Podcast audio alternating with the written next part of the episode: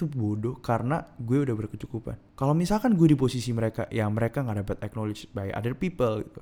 Soalnya menurut gue emang mobil kan ya paling cepet dan cicilannya dan mobil juga kayak oh punya mobil tuh cuy sekarang cuy ya kan kalau punya rumah kan kayak nggak di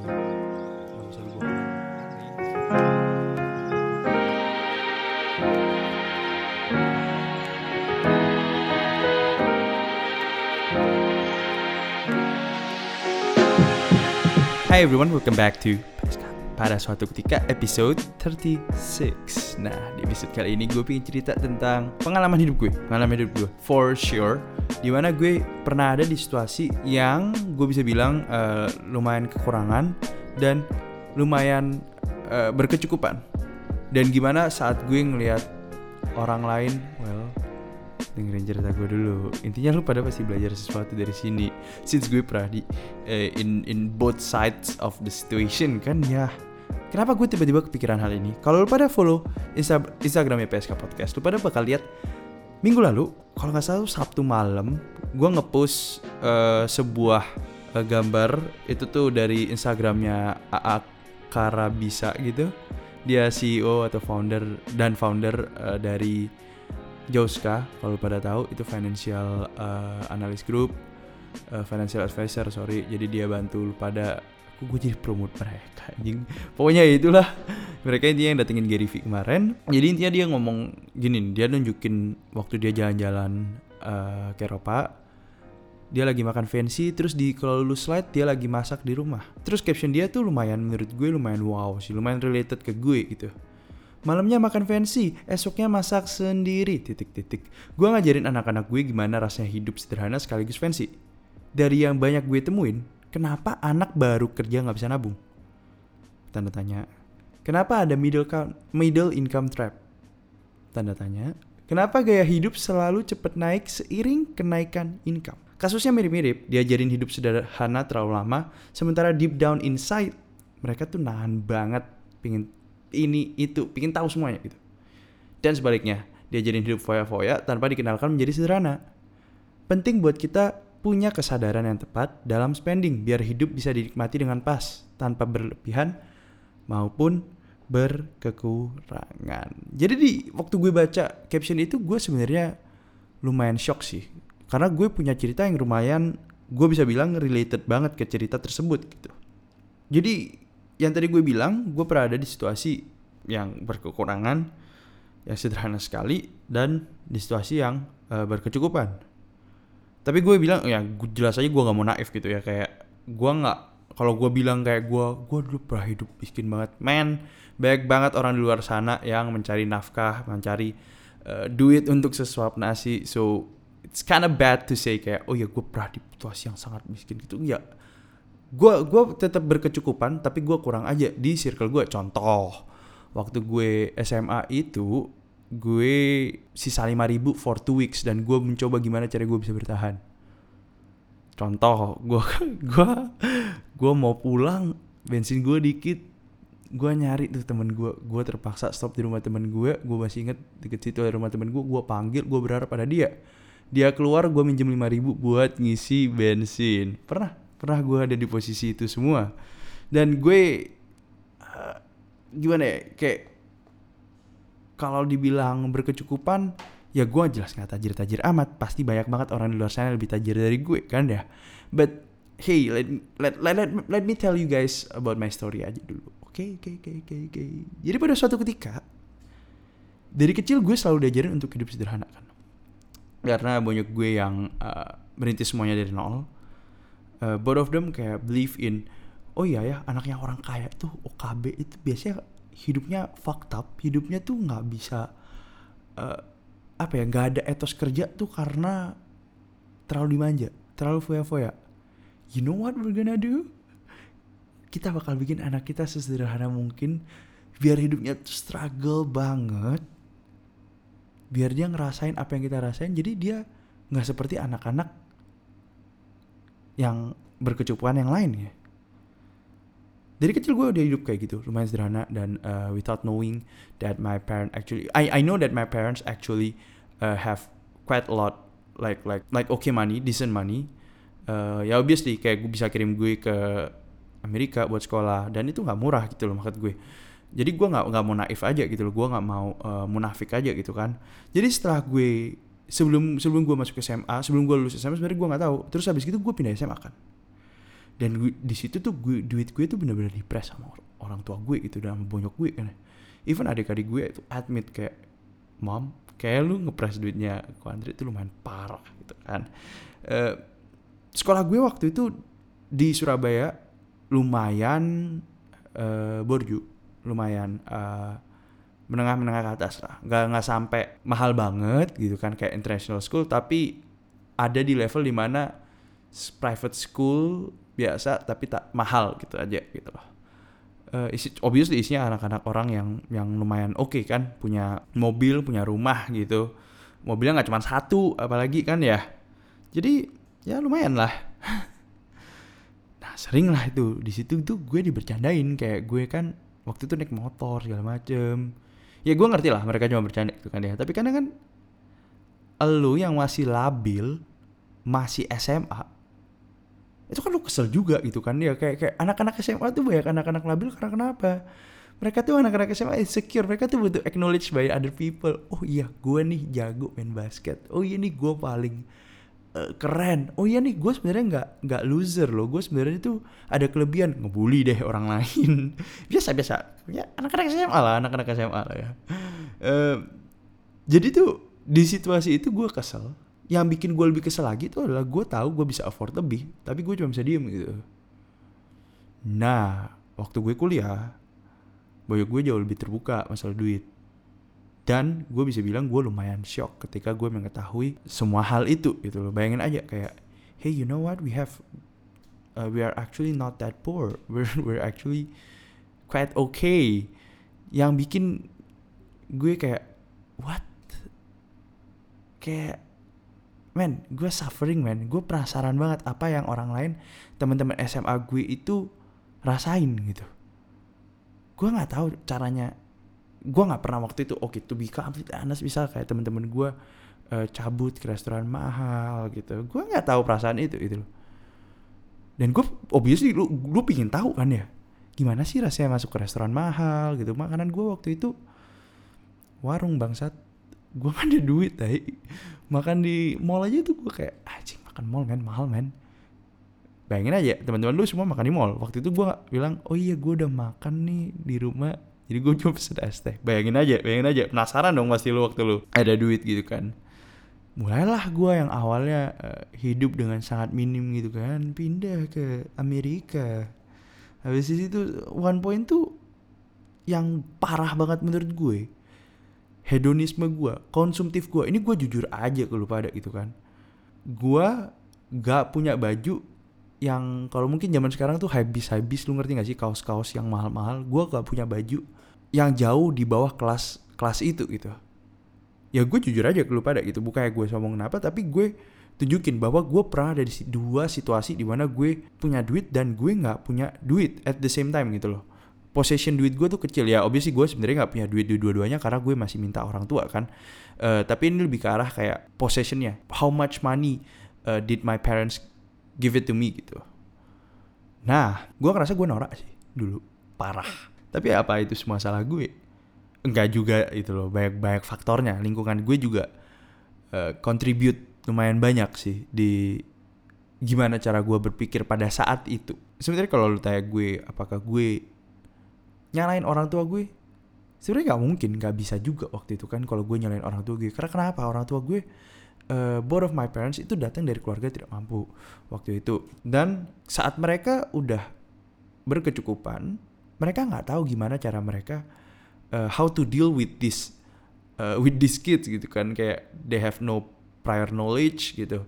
Karena waktu dulu mungkin di, dia, mereka digedein waktu mereka orang tuanya struggle gitu. Jadi mereka taunya oh iya ya uh, gue struggle dulu kayak gini nih sampai bisa hari ini. Makanya gue I'm gonna do the exact same thing to my kids gitu. It's totally fine ya ya gimana? Mau mau kamu mungkin kan gue jadi orang tua gue gitu ya. Dan dia percaya ini yang terbaik karena uh, mereka ada sampai hari ini. Karena itu padahal uh, dengan gue mengetahui semua hal ini dan gue mempunyai rasa ingin tahu di circle gue yang isinya banyak-banyak orang-orang yang berkecukupan gue jadi penasaran abis man and gimana gitu? Kayak kayak kayak masa gue blame teman-teman gue juga ya emang gue nggak ada duit waktu itu ya. Jadi selain penasaran tuh ya acknowledgement yang gue bilang itu juga sebenarnya lumayan berpengaruh gitu.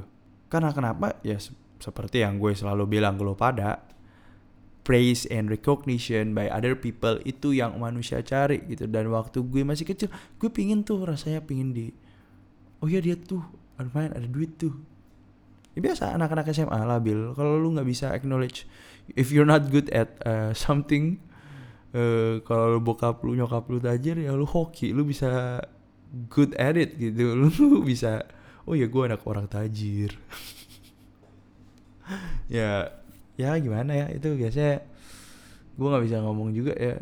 Kalau lu pada bilang enggak kok enggak enggak semua anak tajir terkenal. Well unfortunately kebanyakan anak-anak orang uh, kayak langsung di acknowledge kan compare ke yang kayak udah nggak tajir uh, eh, gak ada skill apa-apa. Udah mati aja deh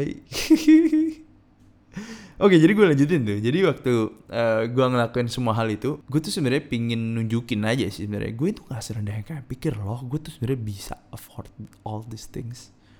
Gue tuh sebenarnya uh, Dari keluarga yang oke okay, gitu kan.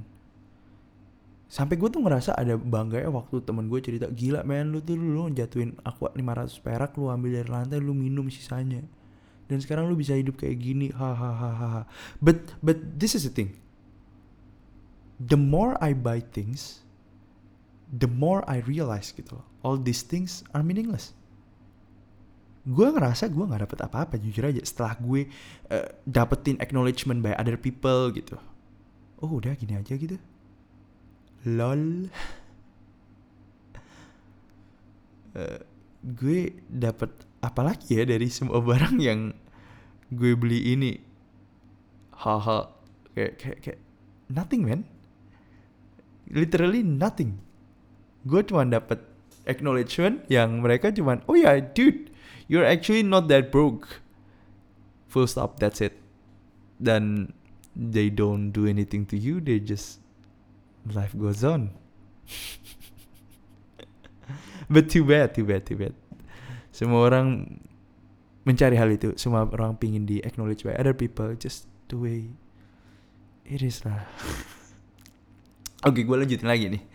Uh, beberapa minggu lalu gue sebenarnya ngobrol sama dua orang teman gue uh, dari dua income class yang beda gitu loh. Satu dia lebih uh, lebih lebih mampu gue bisa bilang karena dia punya satu orang tua yang punya satu usaha, satu mobil dan satu rumah.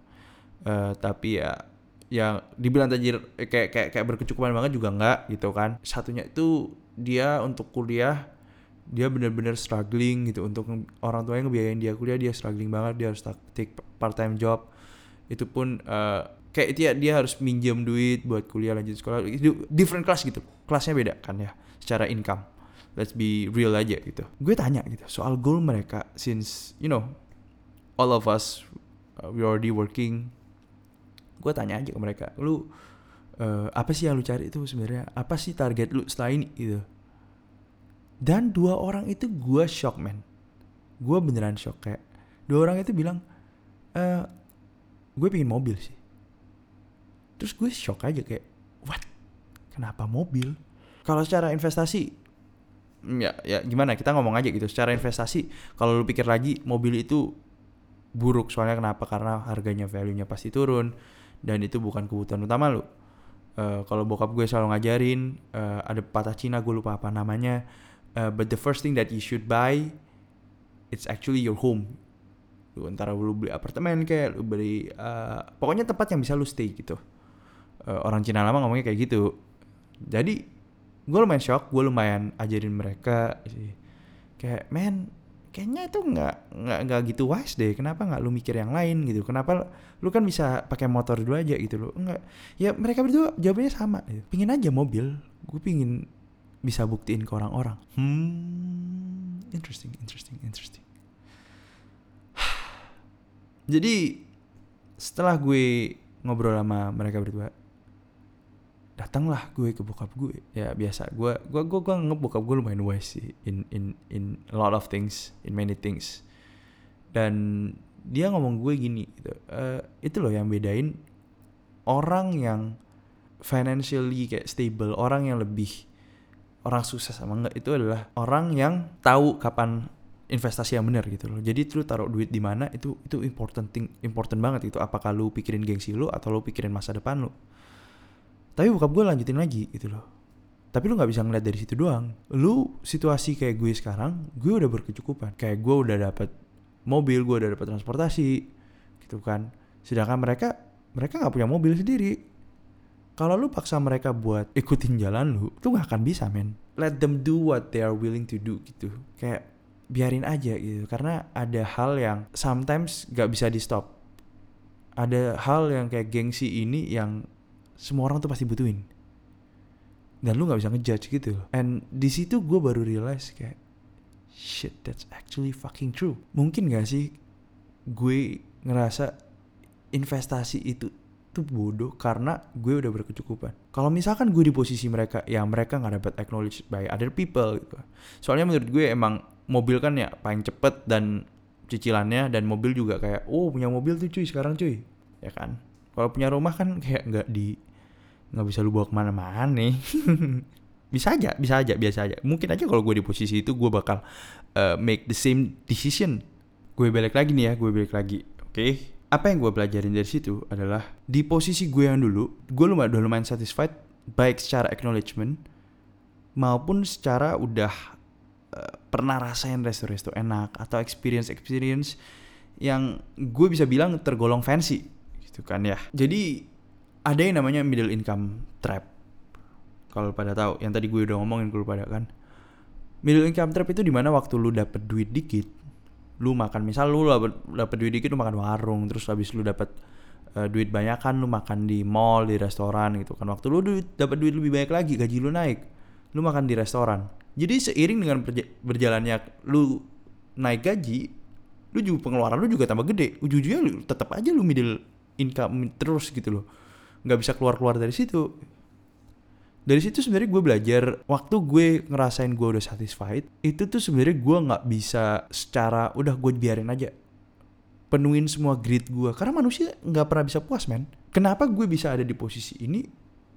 Menurut gue karena gue ya ya obviously karena gue ba- baca banyak buku that's the most important things in life and ya obviously gue ganti goal gue ke lebih ke arah happiness and don't give a damn about what other people thinking. Karena di situ sebenarnya gue gue kepikiran aja jujur aja gue kepikiran kayak kayak apakah tunggu di posisi gue apa sih standarnya sampai gue uh, bisa ngomong gue satisfied biar gue hidup bisa uh, keluar dari middle income trap dan gue bisa uh, hidup sederhana kayak sekarang gitu biar gue nggak norak segala macem.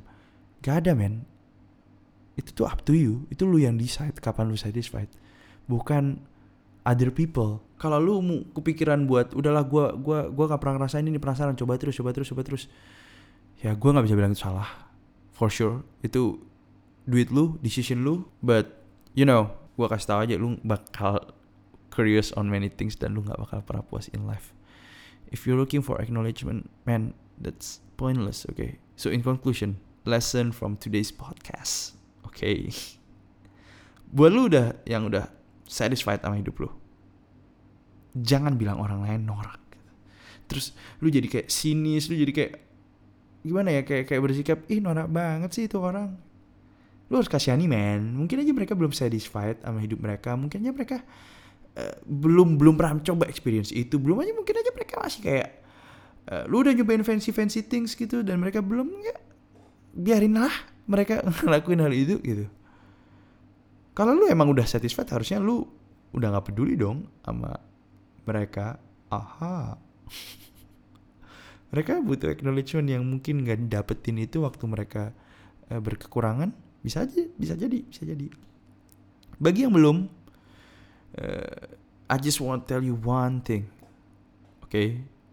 in the end mereka nggak bakal peduli. Orang-orang yang mungkin look down on you mereka nggak bakal peduli sih apa apa yang lu punya. Malahan banyak orang yang those people malah benci sama kesuksesan lu gitu. Uh, lu makin banyak musuh makin banyak temen dalam tanda kutip teman yang deket sama lu karena ya mereka butuh lo gitu loh. And to be completely honest they do it uh, unconsciously gitu. Kayak mereka nggak even sadar kalau mereka deketin lu karena lu udah on top. So make sure you know your limit sih. Make sure you know that okay this is too much.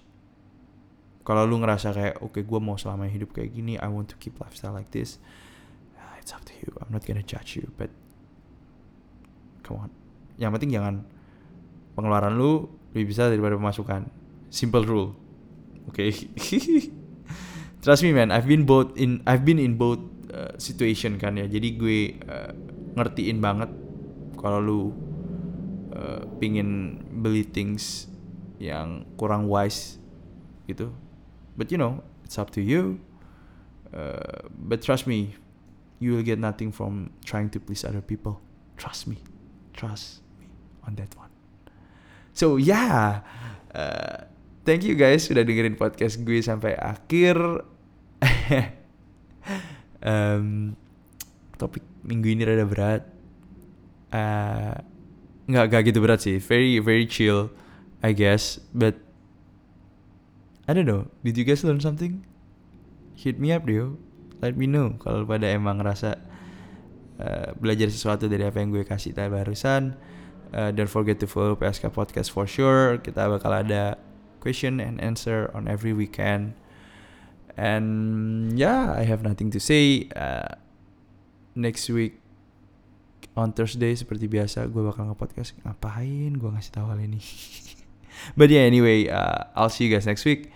And see ya